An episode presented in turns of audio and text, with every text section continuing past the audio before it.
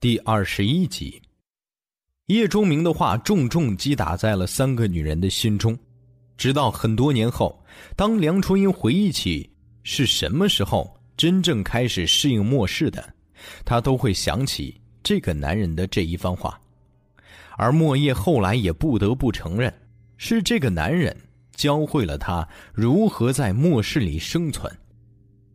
冷冷的看了朴老师一眼。叶钟明转身，继续开始朝着超市前进。两秒后，梁初英跟了上去。过了几秒钟，莫言一脸凝重的尾随其后。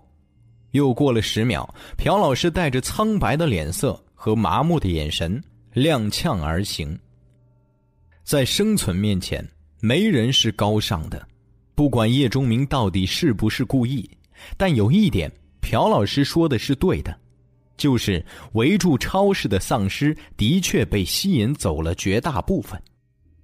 叶钟明带着几个人绕到了超市后面，找到了一个可以进入的地方，那是一扇二楼侧面卫生间的小窗，堪堪够一个人钻进去。叶钟明让三个女人和地黄丸在这里等着，自己助跑了几米后攀了上去，朝里面看了看后就钻了进去。超市里不黑，一些应急灯亮着，这给了叶钟明很大便利。他悄然无息的出了卫生间，来到了外面。这里应该是员工更衣区，卫生间外是三排储物柜，很多柜门都开着，遍地杂物，不少柜子上面溅着鲜血，却没有尸体。叶钟明来到休息区的门口，探头向外看了看。售卖区里有几头丧尸在游荡，不少货架都倒了，顺手解决了这几头丧尸。收好魔晶之后，叶钟明从停运的滚梯下到了一楼。根据那个学生的描述，轮盘应该在这里。超市大门被人用几个收银台抵住了，拍打大门的声音很响，让一楼远没有二楼那样安静。借着应急灯，叶钟明看到地上有不少尸体和残肢，其中丧尸占了小一半。看来这里应该发生过激烈的战斗，只是还不知道有没有幸存者。两个货架的后面都有丧尸的低吼声传出来，叶钟明悄然过去，把他们一一解决掉，又向前走了一段，终于看到了轮盘。和穆新飞家里的一样，这是一个一级轮盘，矗立在墙边。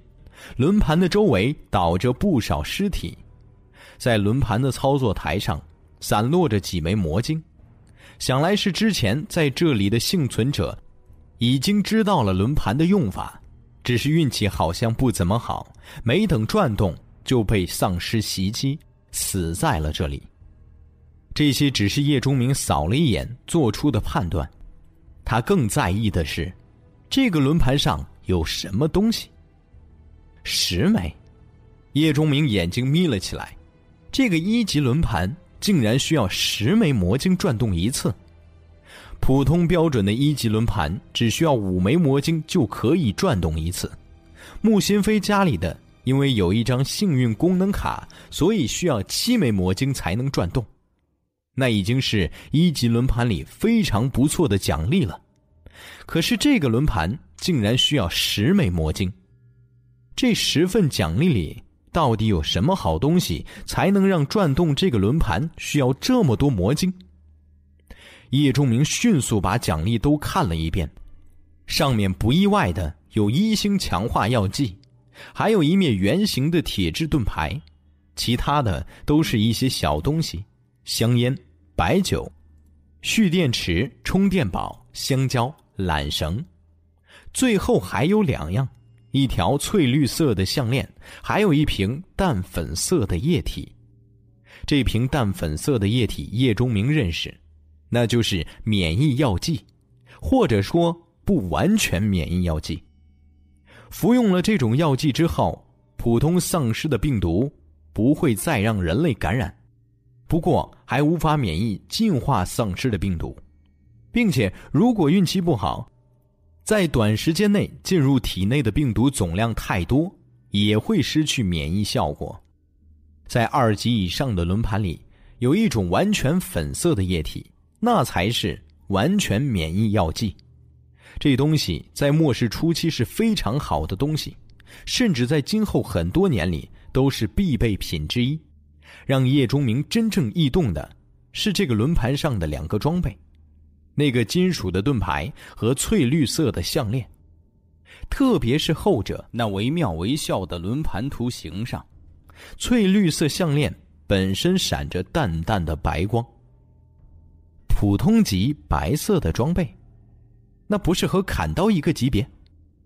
拥有一把白色级别的武器，这得益于叶钟明荣耀工匠的职业。在末世开始后，这么十来个小时内，能够拥有一把这种程度的利器，虽然不敢说是独一份的，但绝对是珍惜的。拥有这样一把武器，叶钟明可没少花费精神力。现在竟然又有一件白色装备摆在了面前，叶钟明怎么会不心动？相比于这翠绿色的项链，那个盾牌就要差一些，看样子最多是灰色级别。掏出身上所有的魔晶，加上轮盘上散落的几个，叶钟明数了一下。只够转动两次的，可这轮盘上至少有四样他想要的东西，魔晶明显不够，看来只能以后再说了。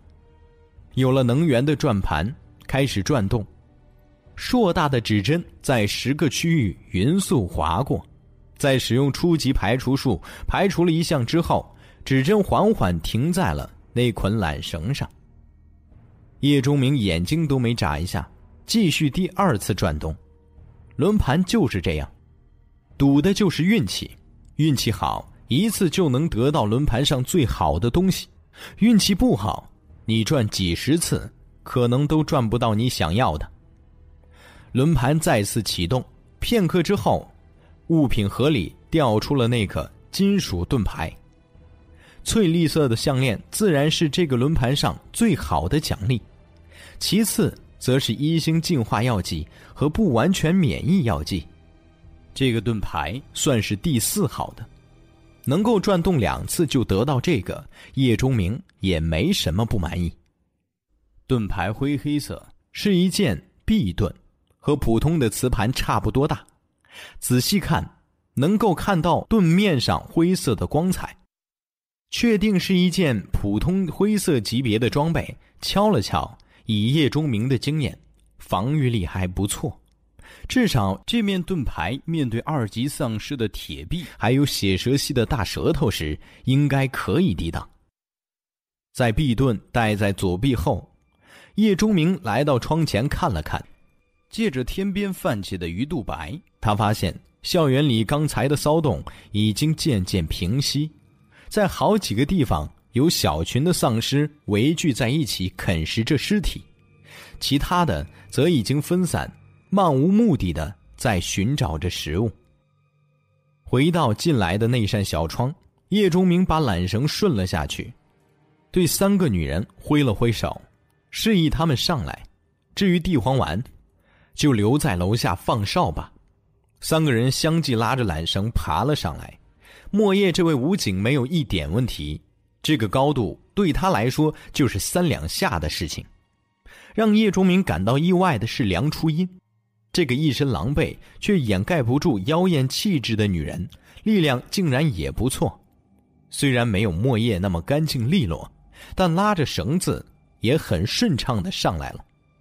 唯一有点笨的是那位朴老师，看样子平时应该也是锻炼的，否则不会有那么匀称健美的身材。但臂力明显不太足，上到一半有些没了力气，还是叶钟明给拉上的。去找旅行背包，然后装满，主要是食物和水，可以少带一些，不太占用地方的日用品，其他的不要。一夜过去，幸存者们已经开始为食物和水发愁了。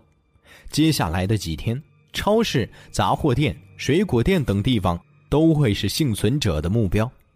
最后造成的结果就是，大部分的丧尸也会被吸引，然后围聚在这些地方。这种情况更加让食物和水开始短缺，叶忠明必须在这之前尽量多的储备生存物资。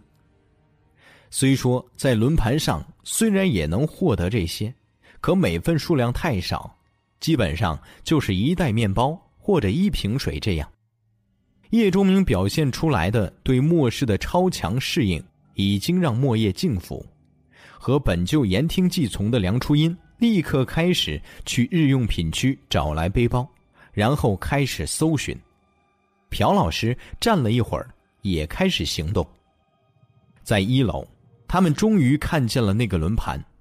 三个女人目瞪口呆，这种东西完全是他们想不到的。他们摸着轮盘，每个人都神色复杂。莫叶看着轮盘上面的东西。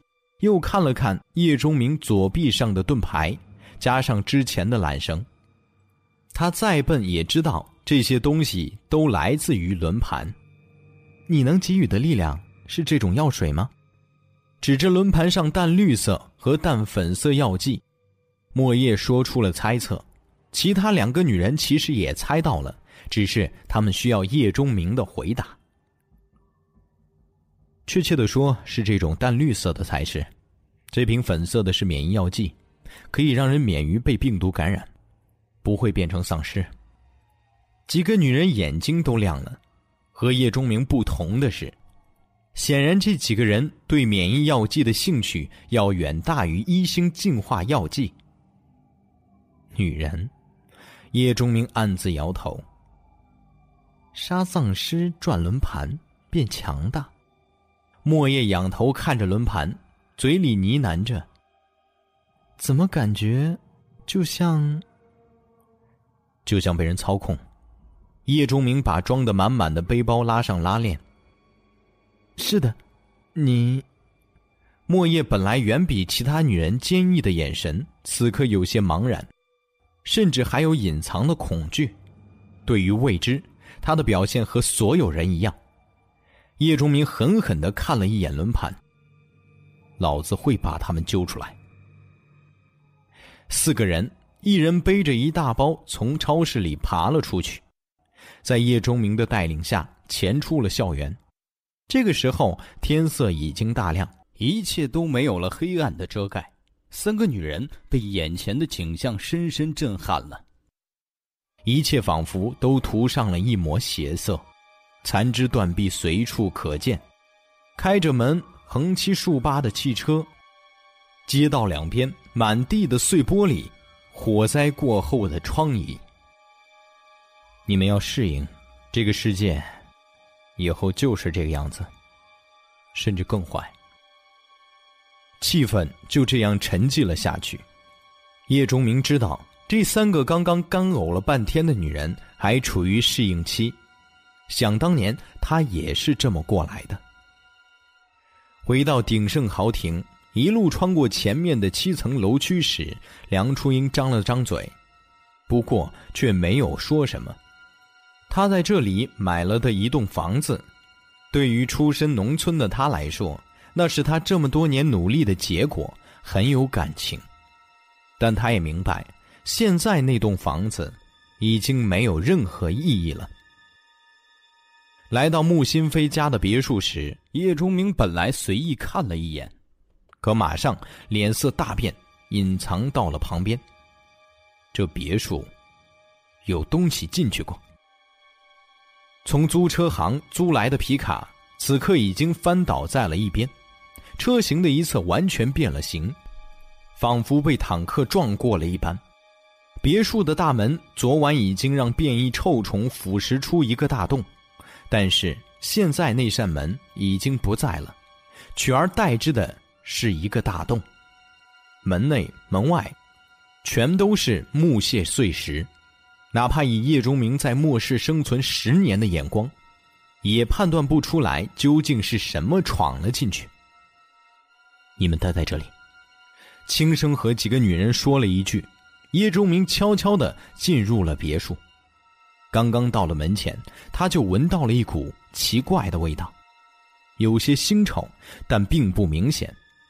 目光在地面扫了一圈，他发现了一个奇怪的现象：别墅的大门好像是被什么东西炸飞的。炸药？叶钟明马上否定了这个想法。如果是炸药炸开了这里，距离这里并不远的校园怎么没有听到声音？炸药可不会悄然无声。还有，就算是发出了声音，自己没有听到。可拥有这种威力炸药的，绝对不会是个人，只能是军队。可是军队怎么对这普通的别墅下手？没有任何动机啊！就算这里有一个轮盘在，直接进去就是了，用得着炸开一扇已经坏掉的门？可不是炸药，又是什么？进入别墅，本来富丽堂皇的大厅，仿佛被洗劫了一般。到处狼藉，叶钟明侧耳倾听了听，没发现异常。他戒备着走进入了厨房。轮盘还在，这东西九星高手都无法毁掉，城市毁灭了，他都会屹立不倒。只是地下室的门已经没有了，又是那种诡异的爆炸造成的。里面未来的九星强者穆心飞已经不见了踪影。叶钟明在地下室里看了一圈，他发现了两个疑点：一个是他离开前让穆心飞烤熟的那些变异臭虫嫩肉还在，被整齐的摆在一个盘子里，显然穆心飞是在等叶钟明回来，可应该是发生了意外。第二个疑点，则是这间地下室里，那个叶钟明没怎么在意的保险箱被打开了。里面现在空空如也。又找了一会儿，没有任何发现。叶钟明也说不上心中是什么样的感觉。难道那个未来的九星强者就这么消失不见了？是因为自己的出现让他的命运发生了改变，还是他本来就会走上一条自己无法干预的路？拿上自己留在这里的那些药物。叶钟明从别墅出来，三个女人用一种疑问的目光看着他。叶钟明也不想解释，只是摇头道：“走吧，我们去隔壁。隔壁自然不会是学校，而是另外一侧的重卡车队。如果说在末世有什么交通工具最靠谱，那么除了那些轮盘之上的奖励外，就要数重型卡车了。”它们不仅有坚固的外皮和强劲的动力，还可以适应恶劣的地形，维护得当，也没有轿车和越野那么娇气，是非常适合末世的车。重卡车队的院子里很安静，也没有外面血肉横飞的庆幸，这让吉女神情好了些。三辆重卡停在院子里，其他车位都空着。想来是当时其他的车没在家。叶钟明在周围巡视了一圈，在门卫室、宿舍发现了七八个普通丧尸，他没有自己解决，反而把三个女人叫了过来。你让我杀？朴秀英头使劲摇，脸色发青，根本不愿意去。叶钟明看了其他两女一眼，你们呢？我去，先说话的竟然是梁初音。不管我愿不愿意，以后我终究要面对这东西，不是吗？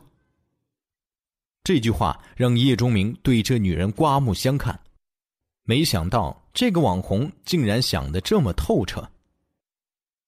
是的，如果连这种初级的丧尸都面对不了，以后遇到更加强大和恐怖的怪兽之时，只能成为食物。梁初音听到叶钟明这么说，站起来就朝着门房里的两个丧尸走去。过程是危险的，有几次丧尸差一点就抓住了梁初音。关键时候，叶钟明出手砍掉了丧尸的四肢，最后一击交给了梁初音。当这位皮肤雪白光滑、平时被很多牲口誉为第一手枪美女。满脸血污，杀死了两只丧尸之后，他得到了叶钟明赞许的眼神。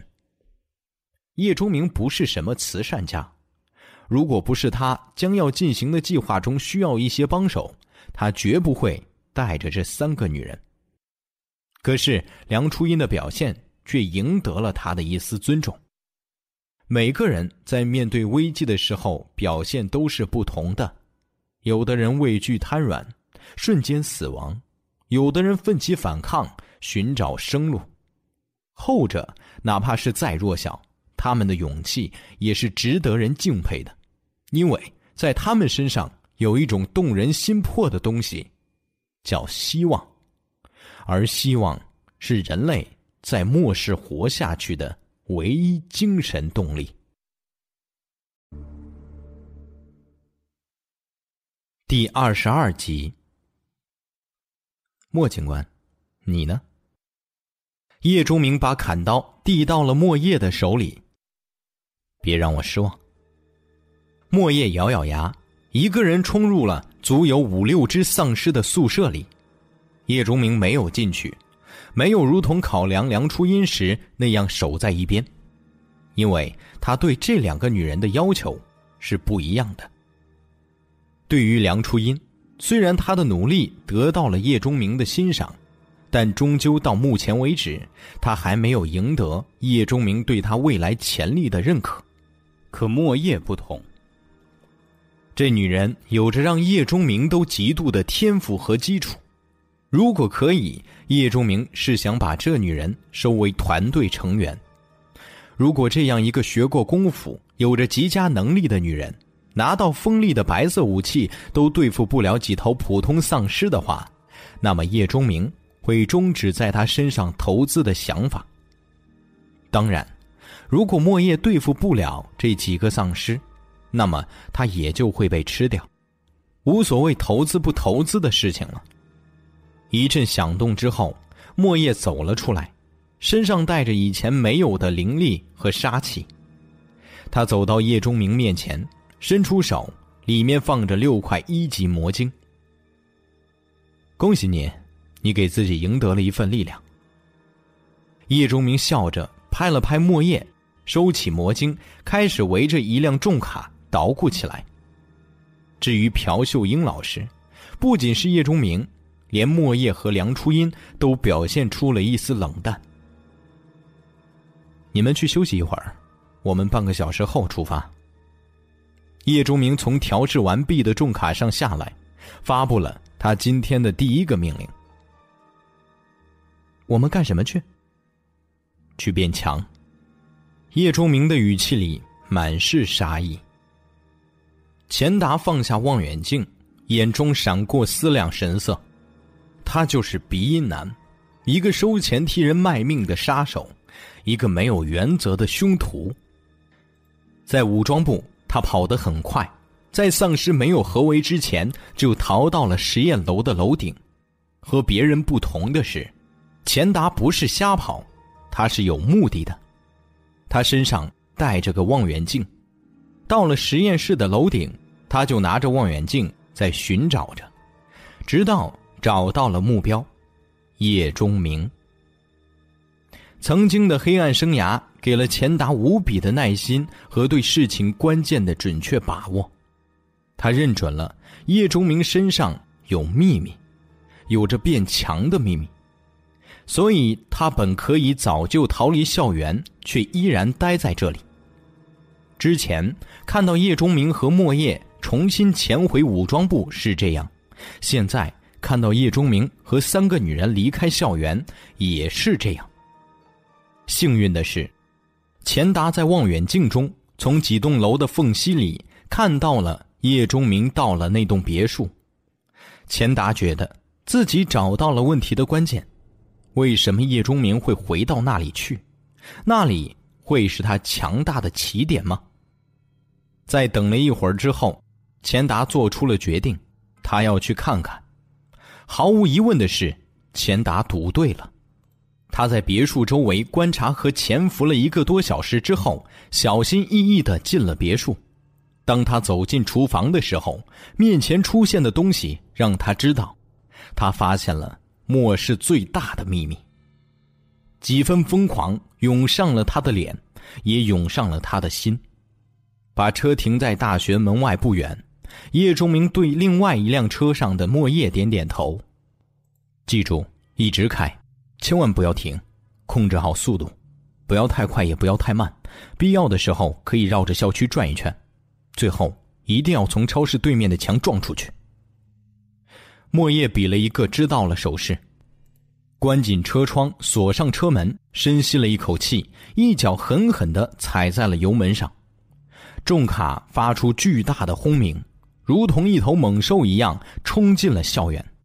十几秒钟后，叶忠明的重卡也跟着开了进去，只是势头却远没有莫叶驾驶的那辆惊人。到了一栋教学楼的侧面，叶忠明停了车。通过后视镜看着梁初音和朴秀英问道：“现在后悔还来得及，你们需要重新选择吗？”梁初音摇摇头，开门干脆的跳了下去，背着的包在他的袖背上有韵律的跳动。朴秀英咬了咬嘴唇，也下了车，紧紧握着手里的匕首，追着梁初音去了。叶钟明收回目光，望了望前面只剩影子的重卡。一脚油门踩到底，整辆车呼啸而去。两辆重卡的轰鸣打破了校园的平静，确切的说是打破了教学区的宁静。被惊动的丧尸几乎同时发出了嘶吼，在教学区里响成一片。成千上万丧尸循声而来，从各个方向奔向了重卡。莫叶额头的汗水流了下来。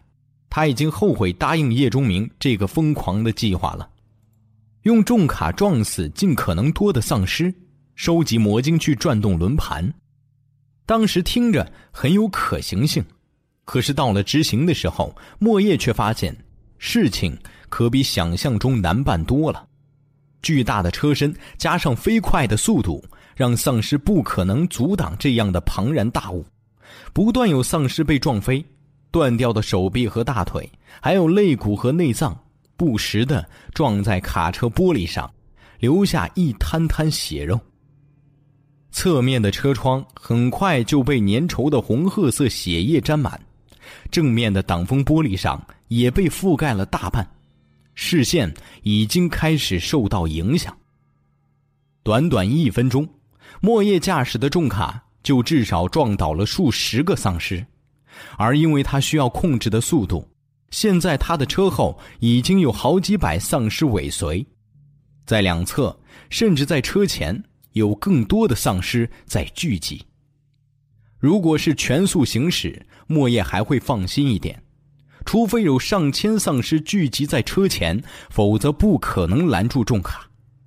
但是现在为了吸引丧尸的注意，重卡开的不算很快。只要有数个丧尸一起卷入车下，可能整个车身就会被卡住。莫叶几乎不敢想象这种情况一旦发生会产生什么样的后果。铺天盖地的丧尸淹没重卡，还有他。本能的，他从后视镜向后看去，有些污渍的车镜里，一头怪兽正在呼啸而来。是的。怪兽，这是莫叶看到这辆重卡之后唯一的感觉。这辆重卡行驶的角度，和莫叶驾驶的这辆不尽相同。他走的是一条弧度不大的曲线，但速度奇快，哪怕是绕了路，也在慢慢的接近他的车。后面的重卡每一次小小的转弯，都会吞没数只甚至数十只的丧尸，那种巨型车轮。把带着血肉的骨头碾碎的声音，即便是关着车窗都能清晰的传进来。这是一种让人头皮发麻的声响。莫叶还看见后面的重卡直接闯进了自己车后的丧尸群，几百头丧尸如同割麦子一样层层倒下，被碾入车体。更为夸张的是，后面的重卡还会突然一个急刹车，车身都倾斜。仿佛要侧翻，可巨大的铁盒子一样的车厢，在砸碎了无数丧尸头颅之后，又神奇的正了过来，在车头的带领下，继续狂奔在路上。莫叶从警校毕业的时候成绩十分优秀，其中包括各种工具的驾驶。他自信自己的驾驶技术不逊于那些整天开重卡的老司机，但是后面这辆重卡所表现出来的技术，让他深深叹服。他自然不会理解，在末世十年锻炼出的车技，在那里没有什么规则。有的只是如何开车可以让你活下来。叶钟明这个曾经连驾照都没有的人，现在所表现出来的神乎其神的车技，就是这样锻炼出来的。叶钟明的车技给了莫叶极大的信心，他开始平静了下来，继续执行叶钟明交给他的计划。两辆重卡在校园里横冲直撞的时候，梁初音和朴秀英。躲在一栋楼的角落隐蔽处，等待着行动。朴秀英看着手里的匕首和远处那些残破的尸体，一脸的挣扎。没人逼你，不愿意做你可以离开，省得一会儿你拖后腿，害得我也会完不成任务。梁初音看了朴老师一眼，语气有些冰冷：“你，我们一会儿要去，要去那些破烂的尸体上挖那个。”那个魔晶啊，你不害怕吗？这位斯文秀气的老师有洁癖，平时别说面对这些血肉残肢，就是手无一碰到什么，都会立刻去洗手。他很难理解，这个连他都知道的知名网络红人，此刻表现出的决然和适应。我害怕，并且和你一样感到恶心。可你。我怎么没表现出来？梁初音转过头看着朴秀英。是啊，你从没说过什么，我还以为你不在意这些。或许是梁初音的话让朴秀英感到了一丝认同，她的身体向梁初音凑了凑。网红女冷笑一下：“我的确不在意。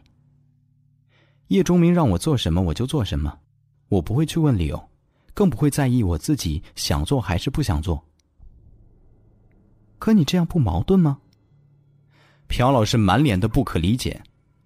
每个人都有自己的权利，每个都有选择的自由，我们可以说不。梁初音哈了一声，摇着头道：“朴老师，我本来以为你只是不适应，现在看来你根本就是认不清。”说着，网红妹子。一直远处的尸群和遍地的尸体，问道：“你觉得现在是什么时候？”不用你回答，因为你自己心里也清楚，这一夜过去，世界已经不同了。那么，你觉得之前的价值观还恰当吗？不管我愿意不愿意，这个世界变了。我如果不变，我就会变成那种怪物；我如果不变，或许现在我就在被重卡碾碎的这些尸体之中。朴秀英推了推脸上的眼睛，叹息道：“你说的是不错，可也不能那个看起来很凶的小子说什么你就干什么吧？为什么不？”梁初音眼睛看着前面，心里算计着行动的时机。别说只是让我去挖挖尸体上的魔晶，最多就是脏一些罢了。就算他让我干别的，我也不会有任何犹豫，甚至他勾勾手指。我都愿意奉献我自己。你你你，怎么这样没原则？朴老师还没结婚，平时也是清纯老师的形象。听到梁初音说的如此直白，脸色微红，低声斥道：“这种事情是要结婚才可以做的，要看感情的。原则，感情。”网红哼了哼，这话真可笑。就算是世界没乱的时候。结婚才可以这么做？每天酒店旅馆爆满，都是些什么人在看房？讲原则，谈到结婚房子、车子、票子，立马摆上桌的原则。讲感情，多少有情人因为一套房子就各奔东西。如果那么有原则讲感情，哪里还有那么多宁在宝马里哭？都一脸荡漾的在自行车后面笑了。既然世界没乱的时候，仅仅因为要过好一些的物质生活，就可以一切金钱为先，可以和自己不爱的人睡在一张床上，给人家生儿育女，更甚的出卖青春，冒着被大王殴打、拍照上传网络的危险，给人家做没名没分的小三儿。那么，为什么当世界乱的时候，就不能为了生存去和一个其实心地很好，还强大到足以保护我的人在一起？至少，我谈的是命。我觉得我比那些谈钱的高尚的多。梁初音为了两个女人之间的对话画上了句号，然后把手中的匕首一亮。沉声道：“走吧，该我们去干活了。我可不想因为这点小事都做不好而被叶钟明嫌弃。”看到前面那个苗条到有些瘦弱的身躯义无反顾的冲出去，朴秀英说不清楚自己是什么心情，她只能跟上，并且感到心中有些一直存在了二十几年的东西在慢慢破裂。叶钟明的计划。就是用自己和莫叶驾驶的两辆重卡，尽可能多的碾压丧尸，而梁初音和朴秀英在后面拾取魔晶。他需要大量的魔晶去转动教学区超市里的轮盘。这个计划看似简单，但其实真正执行起来很困难，也很危险。叶钟明和莫叶身处重卡中，没有遇到变异丧尸的情况下，看似安全。但其实，一旦重卡因为冲撞等意外因素熄火停车，他们就会被丧尸团团围住，在不能免疫病毒的情况下，基本上等同于死亡。而梁初音和朴秀英虽然干的活只是从尸体上挖出魔晶，可所有的丧尸都会被卡车吸引走吗？这个可不好说，谁也不敢保证有没有漏网之鱼。两个女人既不是进化者，也不是莫叶那样受过专业训练的人，遇到丧尸几乎就会命悬一线。这个计划并不完美，更不是什么教科书一样的例子。不过叶钟明的潜意识就是这样过来的，所以他并不觉得什么。况且高风险代表着高收益，这样冒险他认为值得。莫叶在教学区里绕了两圈，叶忠明在他驾驶的重卡后面疯狂的冲撞，期间发生过数次危险。最危险的一次，莫叶的大卡车已经陷入包围，马上要被逼停了，是叶忠明开着车直接冲出来，把一半的丧尸撞到碾压，让莫叶的重卡得以继续前进。远远的看到梁初音和朴秀英已经开始在后面捡魔晶。叶钟明知道差不多了，如果再这样让重卡持续轰鸣，可能连宿舍区的丧尸都要被吸引来，那个时候可就不仅仅是危险的问题，而是丢命的问题了。找准一个机会，叶钟明拿出枪，把车窗开了一道缝隙，朝着外面放了一枪。前面的莫叶听到枪声，立刻知道时间到了，他开始加速。并且持续的按动重卡的车笛，响亮的笛声响彻了半个校园，丧尸更加疯狂的围拢了过来。叶钟明微微喘息着，他需要全神贯注才能控制好重卡，以达到不出现失误的情况。这辆经过了改造的重卡，因为撞击了太多次，已经变得迟缓和执拗。坚持不了多久了。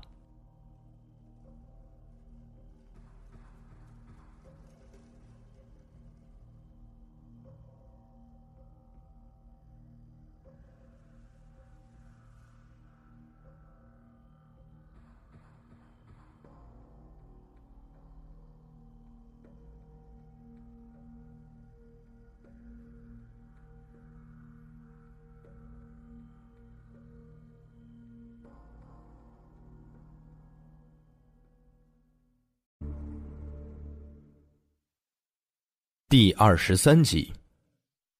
前面莫叶那辆车轰的一声，从超市前面的校园围墙撞了出去，直接冲到了对面的街上，车身失去了控制，在街道上大幅度的摇摆了几下后，直接撞进了一间街边的门市房中，熄火，并且卡在了里面。丧尸从撞开的缺口蜂拥而出，数量依然很多，足有上千。叶钟明看准时机，也从这个缺口冲了出去，把前面的狮群撞飞，一脚刹车停在了莫叶的车旁，把准备好的木棍顶在车底的按钮上。叶钟明踢开变了形的车门，跳下车，快步走到了另外一辆重卡的旁边。由于车窗上都是丧尸血肉的关系，他看不清楚驾驶室里莫叶的情况，所以干脆用刀柄直接几下敲碎了玻璃，手伸进去把车门抠开，拉出了里面满头是血、趴在方向盘的女武警，抱着她迅速向旁边跑去。几秒钟后，两辆车就被尸潮淹没，躲在了公交车站。广告牌的后面，利用两辆汽车残骸做掩护。叶忠明检查了一下莫叶的伤势，发现只是头磕破了之后放了心，用水在莫叶的脸上淋了淋，身体素质很好的女武警就醒了过来。能跑吗？没问题。两个人简单干脆的对话之后，就开始在街道上绕了一大圈。避开还在向外冲的狮群，重新进入了校园。当他们找到梁初音和朴秀英的时候，已经是半个多小时以后了。可眼前的景象却让两个人有些发呆。只见梁初音已经和两个女生打成了一团，衣衫凌乱，头发披散，就连一向注意形象的朴秀英都在朝着一个男生的脸抓去。一改文静的作风，叶钟明在末世十年经历过很多战斗，也见过很多强者之间的比拼，但他绝没见过现在眼前的这种拉扯、撕拽、抓挠，甚至啃咬，没有章法，没有套路，什么都没有。凡是觉得能够给对方造成伤害，甚至阻碍的方式，无所不用其极。不仅梁初音这个女人是这样，连朴老师都这样，甚至这位老师的对手还是一个五大三粗的男学生。这种搏斗的方式让叶钟明大开眼界。梁初音和朴秀英其实也是火大了，本来他们两个挖魔晶挖的好好的，不一会儿每个人都收集了一百多枚，他们估算过，把相对安全的地方全部收集完。应该总数能够达到五百枚，这还不算那些因为再次出现了丧尸，两个女人不敢去的地方。如果把那些再加起来，还能多出两百多枚。虽然这个工作做起来很恶心，但当一枚枚魔晶被收集起来放到袋子里后，这种成就感还是让两个女人忘却了不适，干得有劲儿起来。可让他们没想到的是。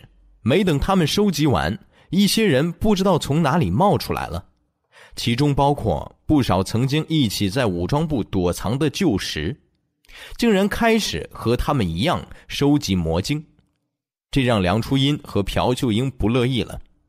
这东西是他们的，有人来捡便宜，肯定不能当做没看见。性子泼辣的梁初音第一时间就过去质问。可是这些人根本就不搭理梁初音，不停的挖，就那么一会儿，已经被他们挖走了几十枚。梁初音开始的时候和朴秀英一起，还想和人家比速度，争取自己这面多挖得一些。可不一会儿就发现这根本不可能，毕竟人家人多，虽然使用的工具没你好，效率没你高，但就是挖的比你多。当周围的尸体挖的差不多，梁初音忍不住第二次上去找这些人质问，并索要魔晶。这些人非但没有还给他，还动了抢夺两个女人身上魔晶的念头。在轮盘的秘密被逐渐传开之后，什么网络红人、曾经偶像，什么美女老师、梦中女神，全部都被放到了一边。只有得到神秘的力量，才是他们所想要的。于是双方就打了起来。为了保护魔晶，朴老师都动了手。叶钟明和莫叶赶到的时候，两个女人已经被打倒。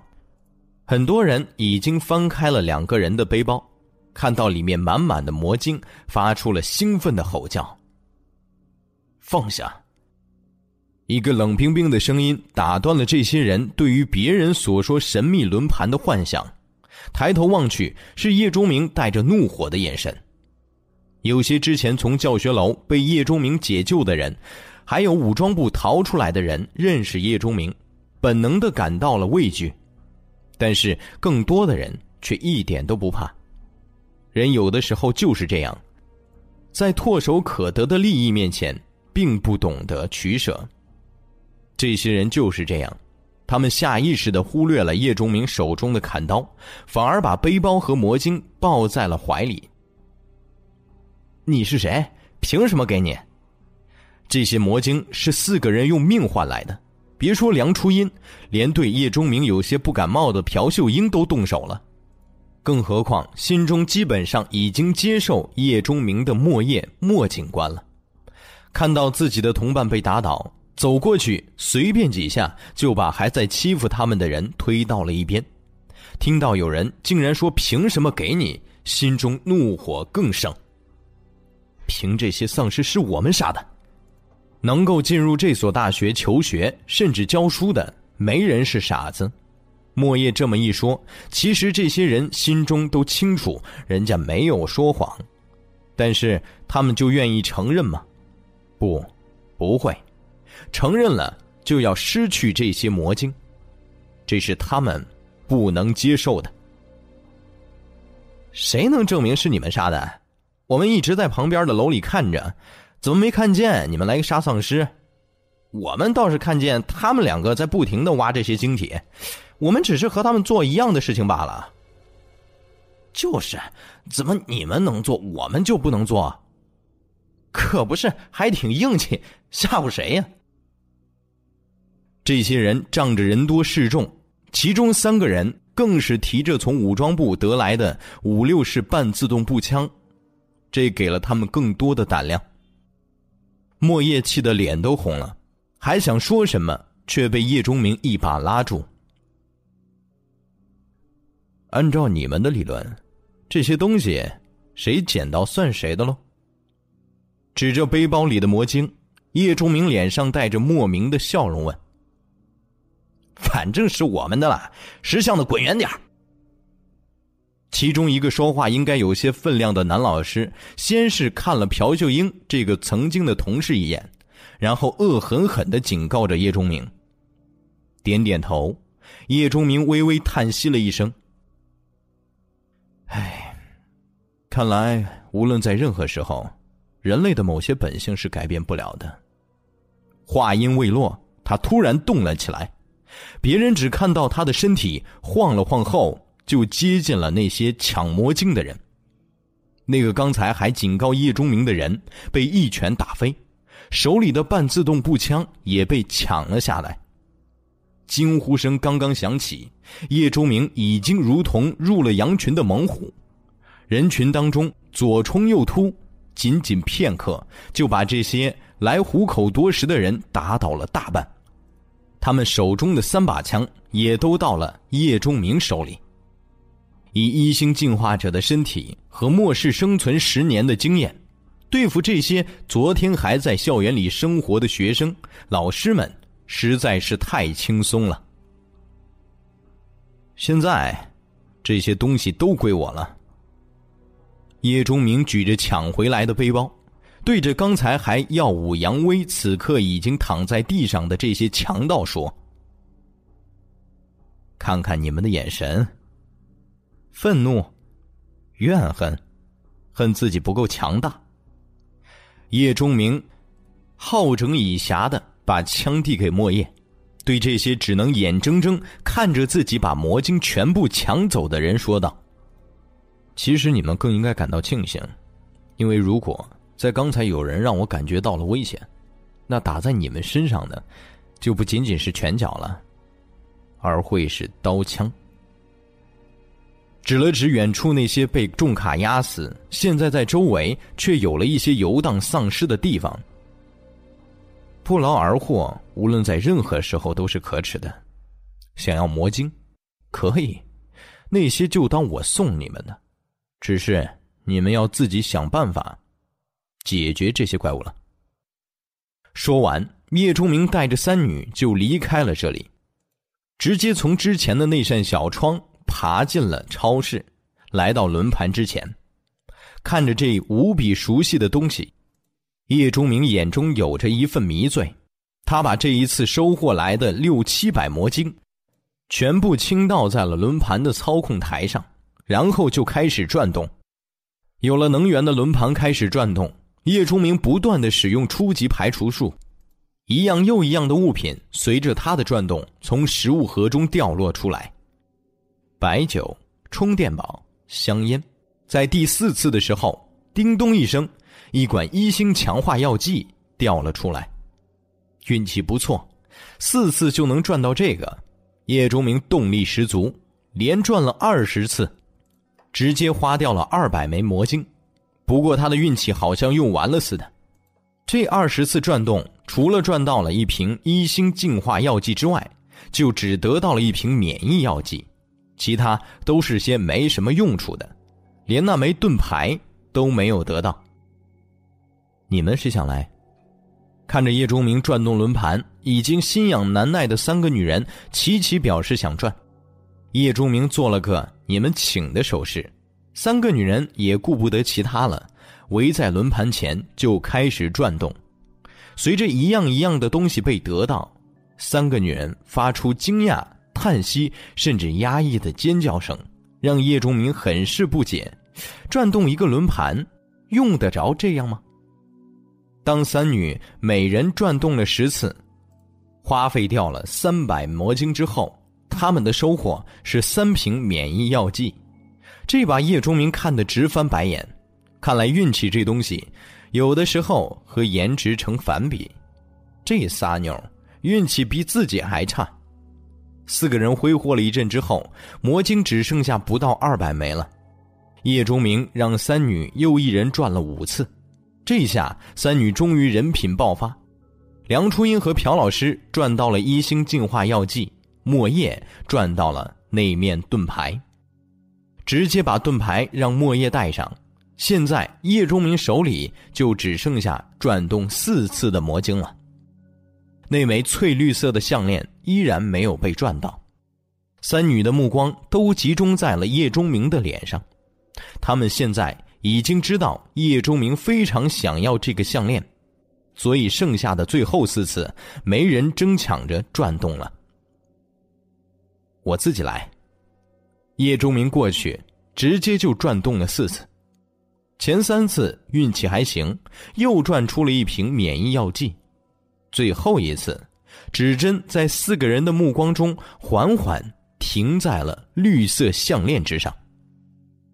手刚刚握在项链之上，脑海中就出现了关于这条项链的信息：初级冥想绿洲，可升级；精神力自然恢复速度加百分之二十五；初级冥想交换，可升级；吸收魔晶补充精神力，交换比例一单位精神力等于五基本单位魔晶。看到这条项链自带的属性，叶钟明眉开笑眼的，这简直就是瞌睡了有人送枕头啊！在几个小时之前，叶钟明刚刚透支了精神力，到现在为止也没有恢复四分之一，以至于两个职业都无法使用技能，生怕一个控制不好，让精神力再次枯竭，影响身体状况。现在有了这条项链。恢复起精神力可就容易不少了，不仅可以增加恢复的速度，还可以吸收魔晶以弥补。也就是说，只要手头有魔晶，那么就不必担心精神力消耗的问题。这东西怎么看也不应该仅仅是白色级别的装备吧？在叶钟明的印象中，能够拥有两个技能的装备，那都是史诗级的极品。是散发着金色或者紫色光芒的好东西，他从没听说过一件普通级别的装备能够拥有两个技能的。潜意识叶钟明拥有的那把绿色级别的狙击枪，也仅仅带着两个属性而已，连一个技能都没有。就是这样，那把枪已经让战团的不少人羡慕不已了。疑惑一产生，叶钟明就冷静了下来。他很快发现了些异常。怎么自己脑海中关于这条项链的属性出现了如此精确的显示？完全数值化，这种情况被称之为完全数值化。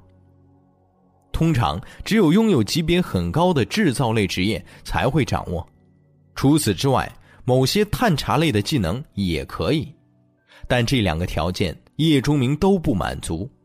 他既没有探查技能，工匠等级也不高，按照常理来说，不应该出现这种清晰的数据化情况。可现实却是偏偏就出现了，这让他很是不解。想了想。他也只能用这条项链比较特殊来解释了。不过叶钟明越发觉得，这条项链之所以能够拥有两个技能，可能和“可升级”这三个字有关。他曾经听说过一些关于装备可升级的传说，和职业晋级不同，装备升级需要一种叫解封液的药剂。曾经有人说。这种可以升级的装备，其实都是被封印的东西。想要完全发挥出他们的实力，就要用解封液把它们解封。可解封液是非常稀少和珍贵的，最普通的型号也只有五级以上的轮盘才会少量的出现，在前世基本有市无价，即便是偶尔出现一些，也绝不是普通人能够染指的。并且大多是药剂师、炼金师等职业制造的，质量层次不齐，能不能解封要看运气。当然，这并不绝对。除了解封液，还有一种专门提升装备等级的卷轴，不过那东西比解封液还难以得到。看来这件装备就是可升级装备的范畴内了。想要让他们升级。就需要珍贵的解封液或者装备升级卷轴，升级难度非常高，所以才会被归结到白色装备里。叶钟明估计，要是把这件装备升级到最高级，那绝对是一件史诗，甚至传说级别的装备。至于现在，这件装备好是好，但对佩戴人的帮助其实没有想象中那么夸张。初级冥想绿洲，这是个被动技能，结合自己的精神力恢复速度，增加百分之二十五，其实并不多。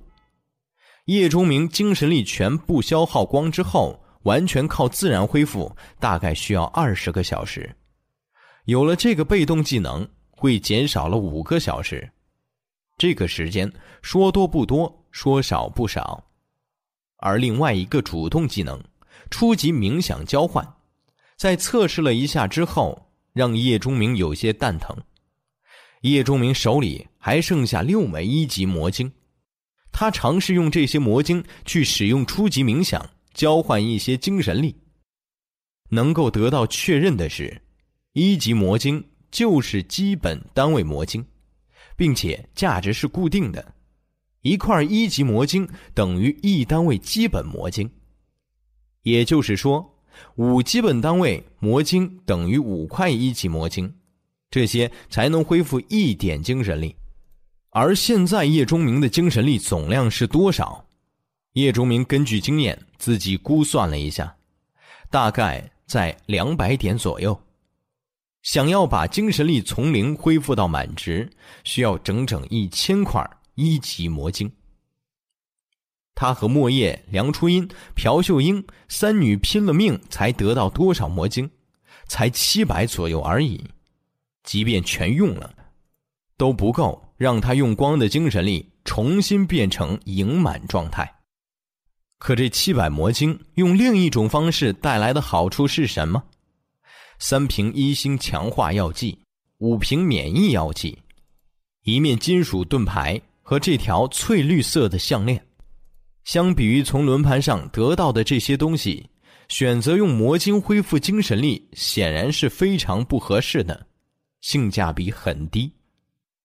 怪不得这件拥有一个被动、一个主动技能的装备，仅仅是白色级别，实在是两个技能微微有些鸡肋，特别是这个主动技能，花费和所得根本不成正比。第二十四集。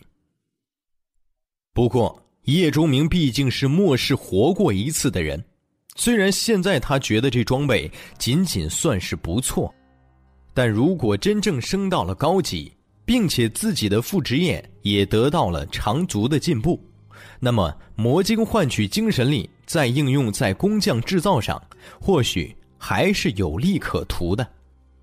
项链戴上。任其自动恢复精神力，蚊子腿小也是肉。好在项链的造型挺中性的，让叶钟明心中容易接受不少。这一次从轮盘上得到了不少好东西，算是大收获了一次。虽然只是初等的免疫药剂和一星进化药剂，但在末世初期，这些东西的价值可非常之高。不说别的。就说免疫药剂，就有很多人愿意出巨资来买。三个人眼巴巴的看着叶钟明，叶钟明觉得有点像等待主人喂食的哈巴狗，反倒是真正的土狗地黄丸对这些轮盘药剂什么的没有兴趣，早就跑到超市别的地方找东西吃了。一个人先分了一瓶免疫药剂。注射后，身体就有了抗体，只要不是非常极端的情况，基本上不太怕丧尸抓伤、咬伤了，生命有了基本的保障。是个人都不愿意变成那种肮脏嗜血的怪物，更何况对容貌本就十分注意的女人。当叶钟明把这种免疫药剂注射到三女身体后，连一向对叶钟明不太感冒的朴秀英老师都投来了感激的目光，还剩下的一瓶免疫药剂自然是被叶钟明收了起来，等以后换些其他有用的东西。可在免疫药剂注射后，问题出现了：三瓶一星强化药剂怎么分？按照数量来说，三瓶一星强化药剂分三个人，没什么好说的。可问题是，这三个人亲疏有别。莫叶是叶钟明非常看好的人，是想要收为团员的人，并且之前叶钟明也对他有过承诺，分到一瓶净化药剂无可厚非。至于梁初音，从心里来说，叶钟明是不太看好他的潜力的，毕竟在末世判断人的标准很单一，就是你是否足够强大。或者说未来会变得多强大？可在梁初音身上，叶钟明看到了女人应有的体娇生柔、妩媚风流，就是看不到成为强者的潜质。虽说强者不强者还要看你投资了多少，但和莫叶一比，这位网红从基础上就要差一个档次。更让人头疼的是朴秀英。这位老师的圣女心态是末世里的大忌，这种性格不仅会害死他自己，更会害死身边的人。所以，哪怕从男人的角度，叶钟明更喜欢这种类型的女人。但发现了他的这种性格倾向之后，他在第一时间就把这位朴老师排除在了自己的名单之外。只是自从在武装部离开之后，这位老师也是一直跟着小队的。没有功劳也有苦劳，刚才在挖魔晶的时候更是尽心尽力，甚至为了保护魔晶还和人动了手。这对于一向注意形象的这位老师来说非常难能可贵。可就是因为这样，叶钟明有些踌躇起来。梁初音和朴秀英这两个人给还是不给？一星净化药剂可是很值钱的。做什么都行，战斗或者其他。虽然梁初音基础没有莫叶好，身材凸凹有致，但总觉得有点瘦弱。可论起看问题的准确度、做决定的坚定度，她绝对是三个女人中最厉害的。免疫药剂刚刚注射完，这个女人已经意识到一星药剂的问题，直接表现出了她的决绝。在叶中明拒绝前，把态度摆在他的面前，连叶中明都不得不承认，这女人看问题真的很准吗？说话的时机把握的也好，说出来的话更是能够打动人心。得到了这东西，其实并不一定就是幸运，今后会面临很多意想不到的局面，每一个都事关生死。拥有了强大的力量。我就不会轻易放你离去，会和我一起为了我的目标去战斗。或许明天，甚至晚上就会死去，你考虑清楚了吗？这是第一次，叶钟明和梁初音如此正色的说话。我知道，也明白，更清楚我的命是你救的。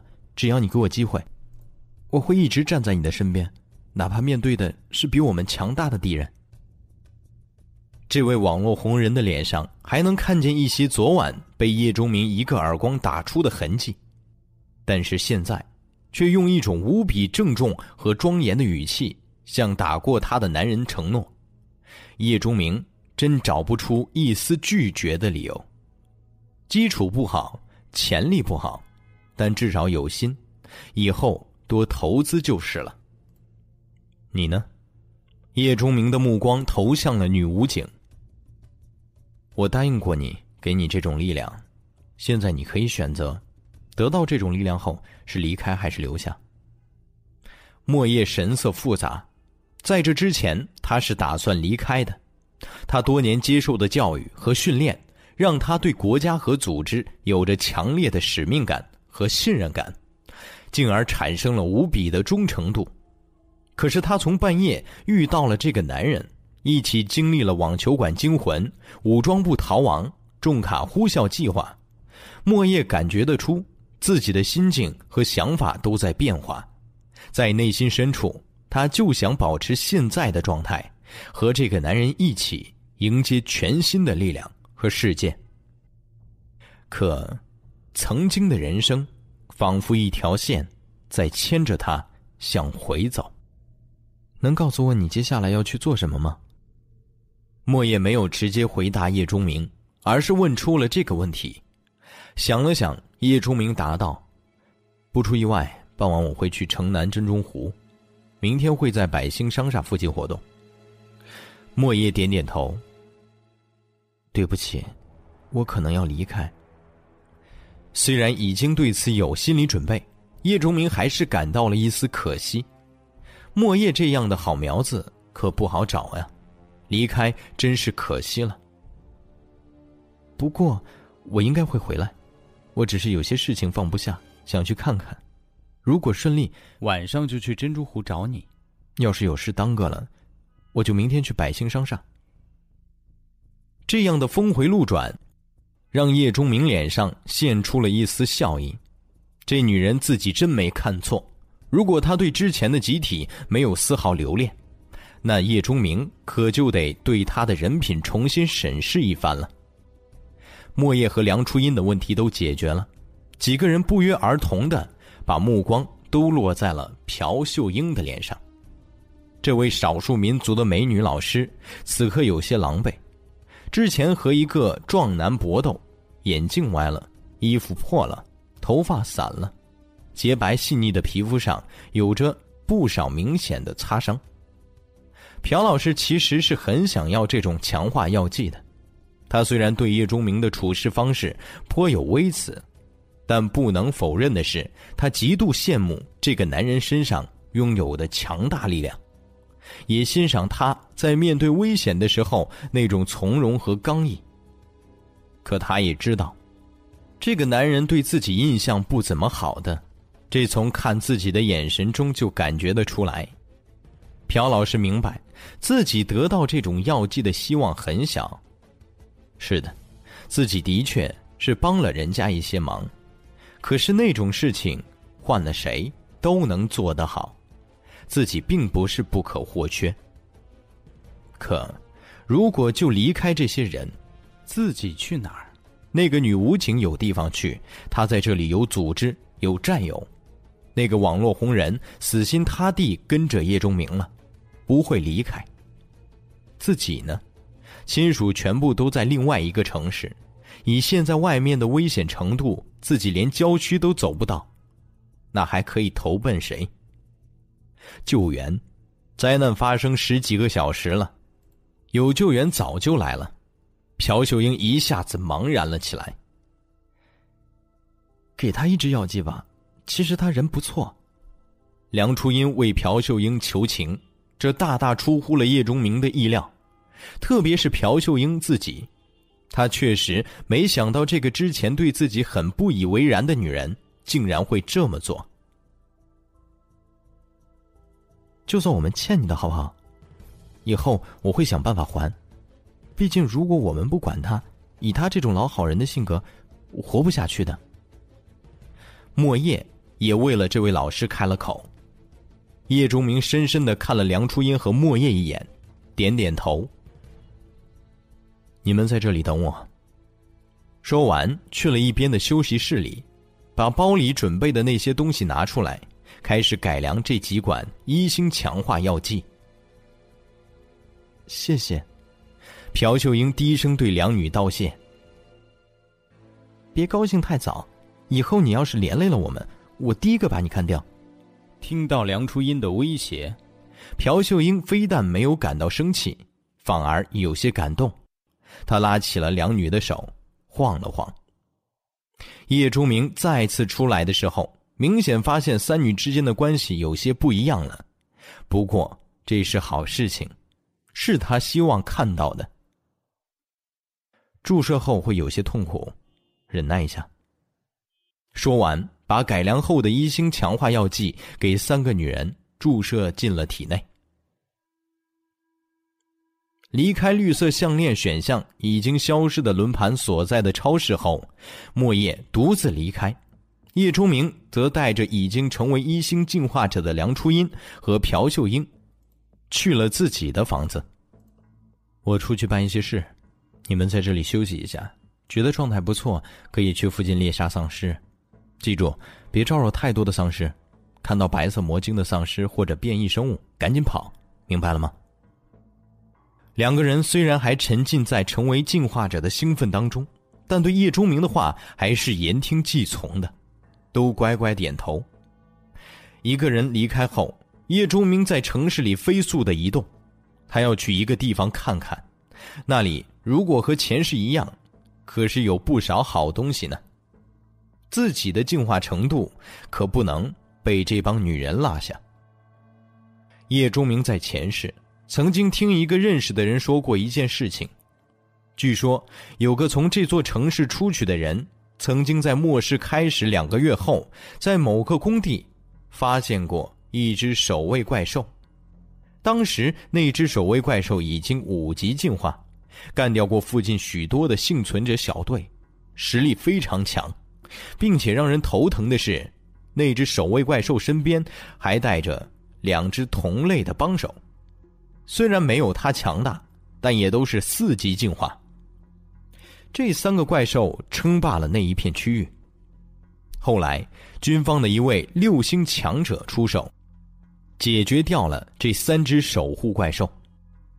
传言那位强者因此得到了一张图纸和一枚这种怪兽下的蛋。叶钟明的这个老乡并不太清楚守卫怪兽是哪种，只知道得到的图纸应该是一种刀形武器制造图。因为不久后，那位强者所在的队伍就有不少人开始装备一种非常优秀的银色级别战刀，非常锋利好用。潜意识，叶钟明的一个近战职业就是刀手，所以对于和刀有关的东西非常关注。当时听到这件事情后，就记在心里了。自然，也有其他一些因素，让他对这事儿很上心。就是当时出手解决这只守护怪兽的人，是后来鼎鼎大名的军方九星强者天刀王丁，一个所有刀手的偶像级人物。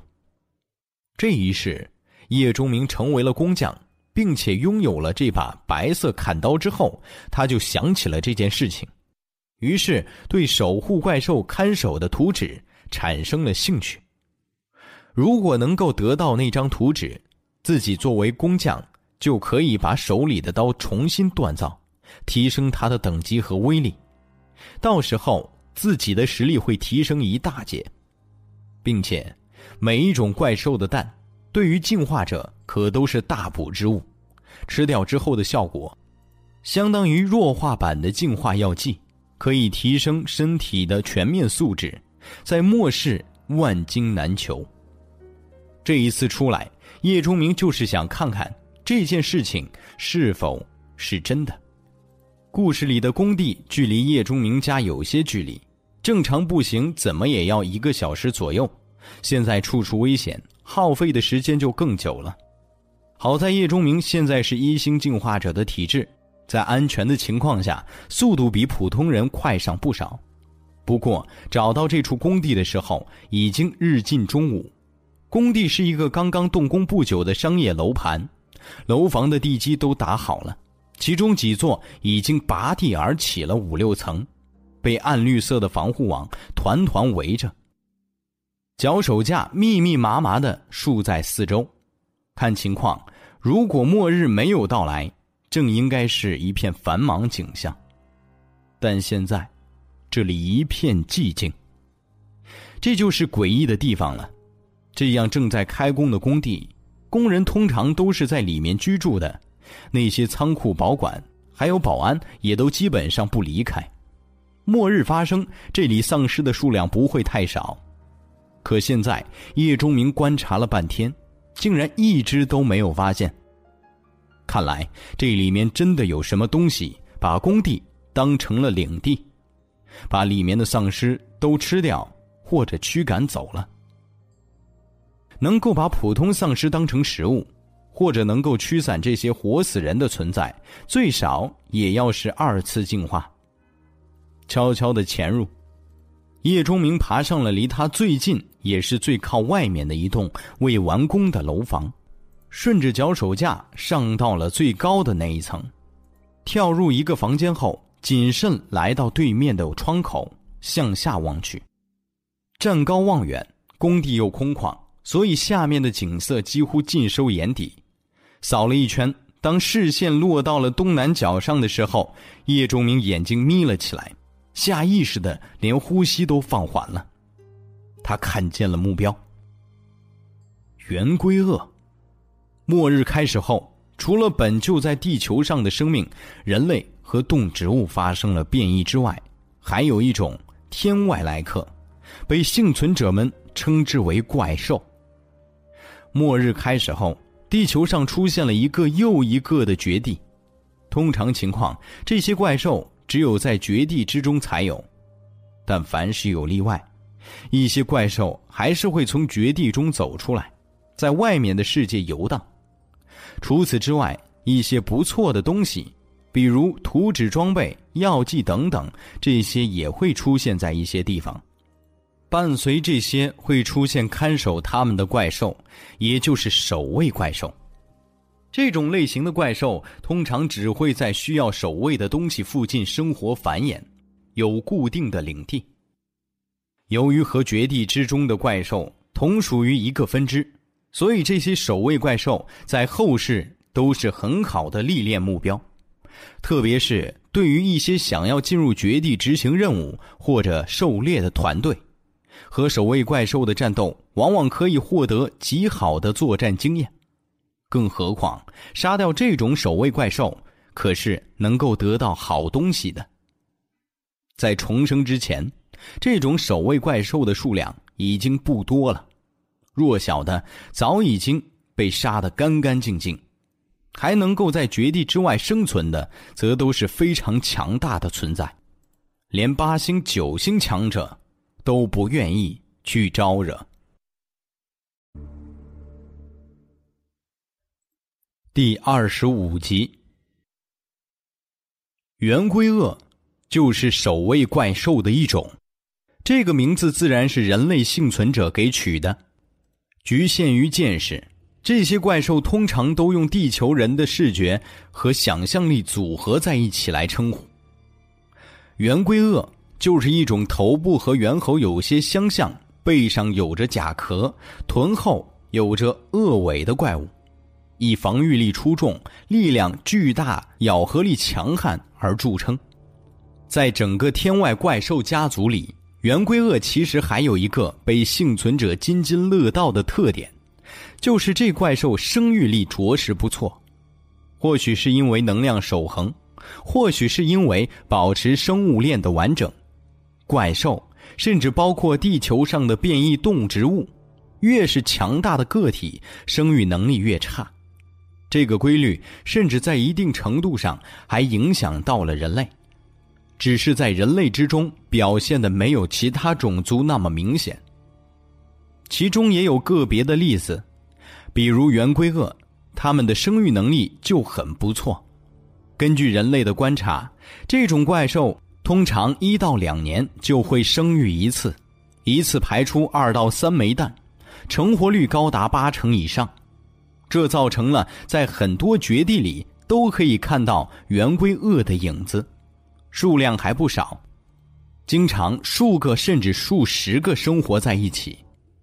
当然，即便是圆龟鳄，能够进化到九级的也非常稀少。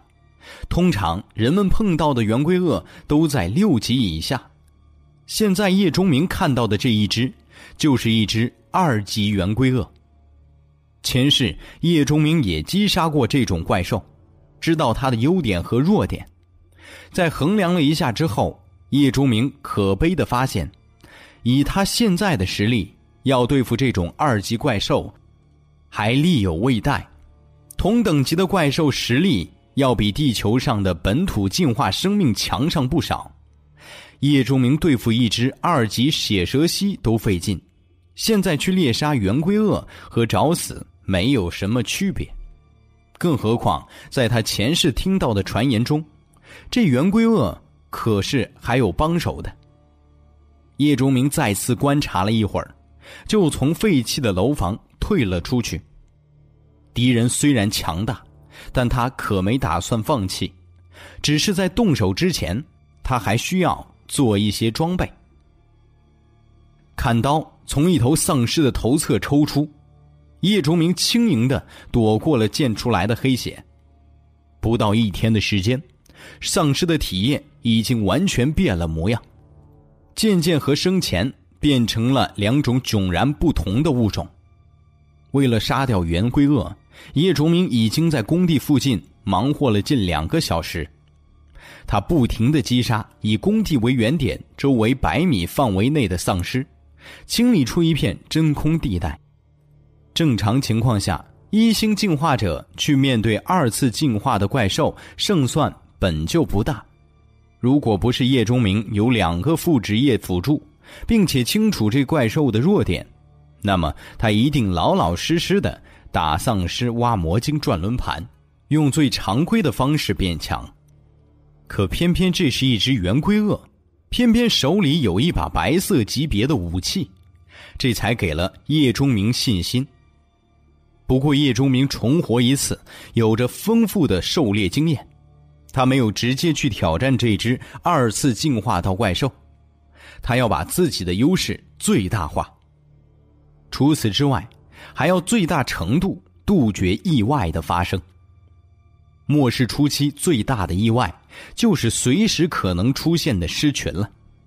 他要保证在自己战斗的时候不会有这些吃人的怪兽来搅场，并且他还需要一些魔晶来恢复精神力。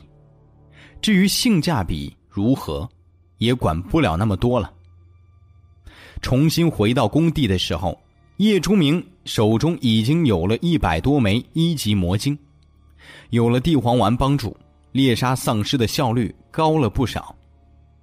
留下了一些魔晶备用，其余的叶钟明一股脑使用了绿色项链的主动技能，初级冥想交换，换取了十多点精神力。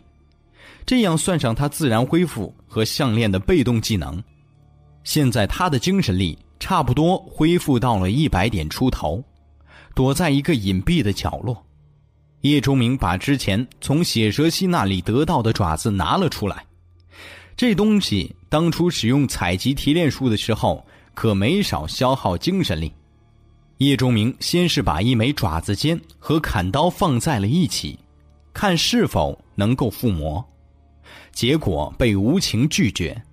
已经有了坚韧属性的砍刀，已经达到了这个级别属性数量的极限。他又这东西拿到了那面盾牌上，想要附魔这件灰色装备，但得到的提示是不符合附魔标准。看来这爪子附魔后会出现的属性和盾牌这种防御装备是格格不入的。最后，叶钟明拿出了一些子弹。这些都是莫叶离开时候给他的，适用于叶钟明的那把新枪。这把新枪很好用，但终究是以两把普通手枪为蓝本强化的，所以仅仅达到了灰色级别，威力并没有超过地球上常规热武器的范畴。因为暂时没有其他枪械可以同质强化，想要从枪械本身攻击力上下功夫。是行不通的，那就只能在子弹上想办法了。好在附魔这种工匠技能也可以作用在子弹这种消耗物品上。叶钟明没有马上就在子弹上附魔，而是考虑了一下，开始用铜质强化术强化这些血蛇蜥的爪子尖。二十根处理过后的爪子尖，最后让它强化成了四根。灰色材料的特质，哪怕在天光下也散发出淡淡的光晕。把这些爪子尖贴近一枚子弹，叶钟明发动了附魔术，光彩流转，一枚晶莹的子弹就出现在了手掌之中。这枚子弹根本看不出一点金属的样子，反而更像是一颗由水晶制成的工艺品。穿透力加四。一条属性出现在了叶钟明的脑海里，这是工匠这个职业带来的好处，可以知道一些数据化的详情，甚至在锻造出装备的时候，还可以知道该装备全部的数据。这也是叶钟明在逐渐熟悉了这个副职业后总结的经验。这种经验在誓约羊皮卷上可没有介绍。叶钟明再次把一根爪子尖和这枚子弹进行了附魔，光亮之后，子弹的属性变成了穿透力加六。看到这个数值，叶钟明也明白了，同一种材料是可以叠加附魔的，会增加本来就出现的属性。不过，这种叠加效果会越来越弱，就如这枚子弹。如果再次用一根爪子尖去附魔，估计只会再增加一点的穿透力，甚至一点都不加。没有冒险，叶钟明把剩下的两根血蛇蜥爪子尖附魔在了另外两枚子弹上，这样他手里就有三颗拥有强大穿透能力的子弹，其中一颗甚至穿透力增加了六点。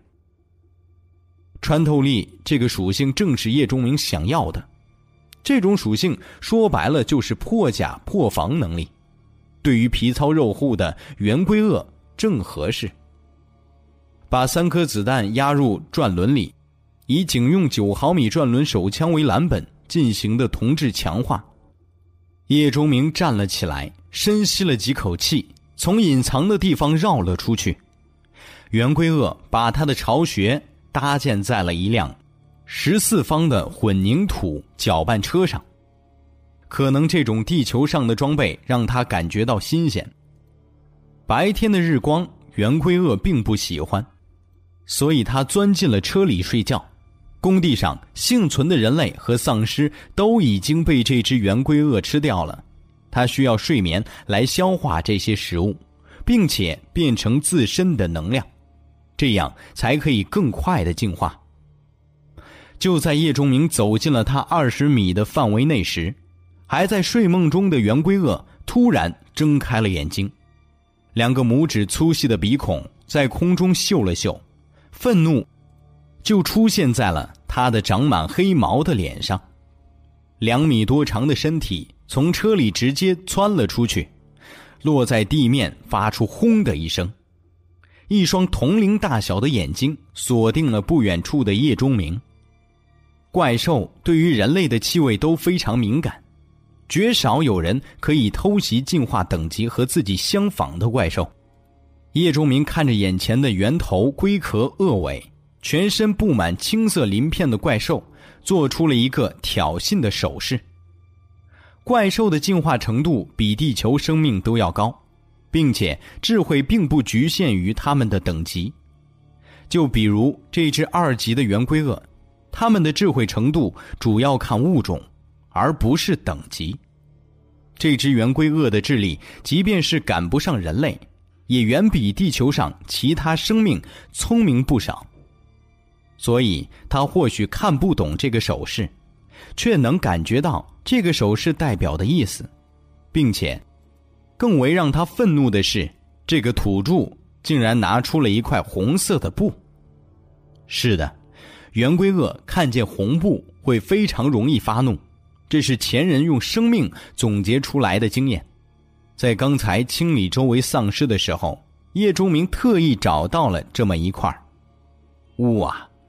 圆规鳄的叫声非常特别，大吼了一声之后，身体就直立而起。蹭蹭蹭的向着叶钟明袭来，攻击的方式竟然和人类颇为相似。但叶钟明知道，这种怪兽的攻击力可比人类高多了。它力大无穷，无论手指上都有锋利的爪子，可以轻易撕开三星进化者的身体。防御力出色，因为人力而起露出的腹部也不是什么弱点。鳞片把那里盖得严严实实。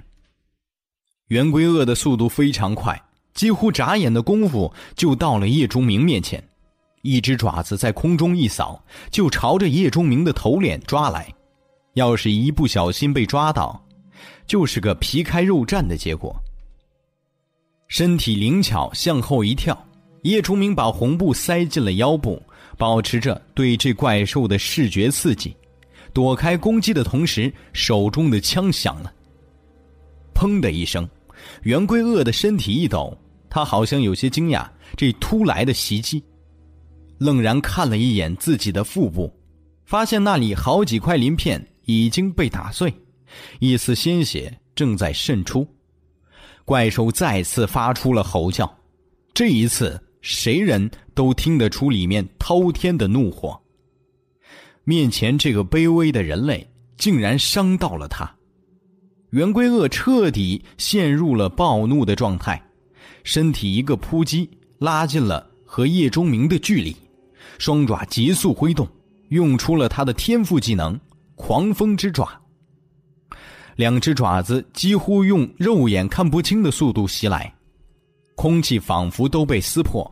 如果被这个技能击中，身体。会被立刻切成碎块，可叶钟明仿佛早就猜到了一般，手中的砍刀在自己面前连连挥动，叮叮当当的就挡住了这一次凶猛攻击。巨大的震力从刀身传到了手掌，让叶钟明差点握不住刀。进化等级上的差距让他还无法和圆规鳄正面抗衡，半天身子都因为这巨大的力量。有些发麻。放下心中对刚才那一颗穿透力加四改良子弹射出后效果的遗憾，叶钟明再次后退。下一秒，一条粗大的尾巴就贴着他的身体擦了过去，带起的风刮得叶钟明皮肤隐隐作痛。这粗大的尾巴打在地面，轰的一下就打出了一个半米左右的大坑，力量。简直非人！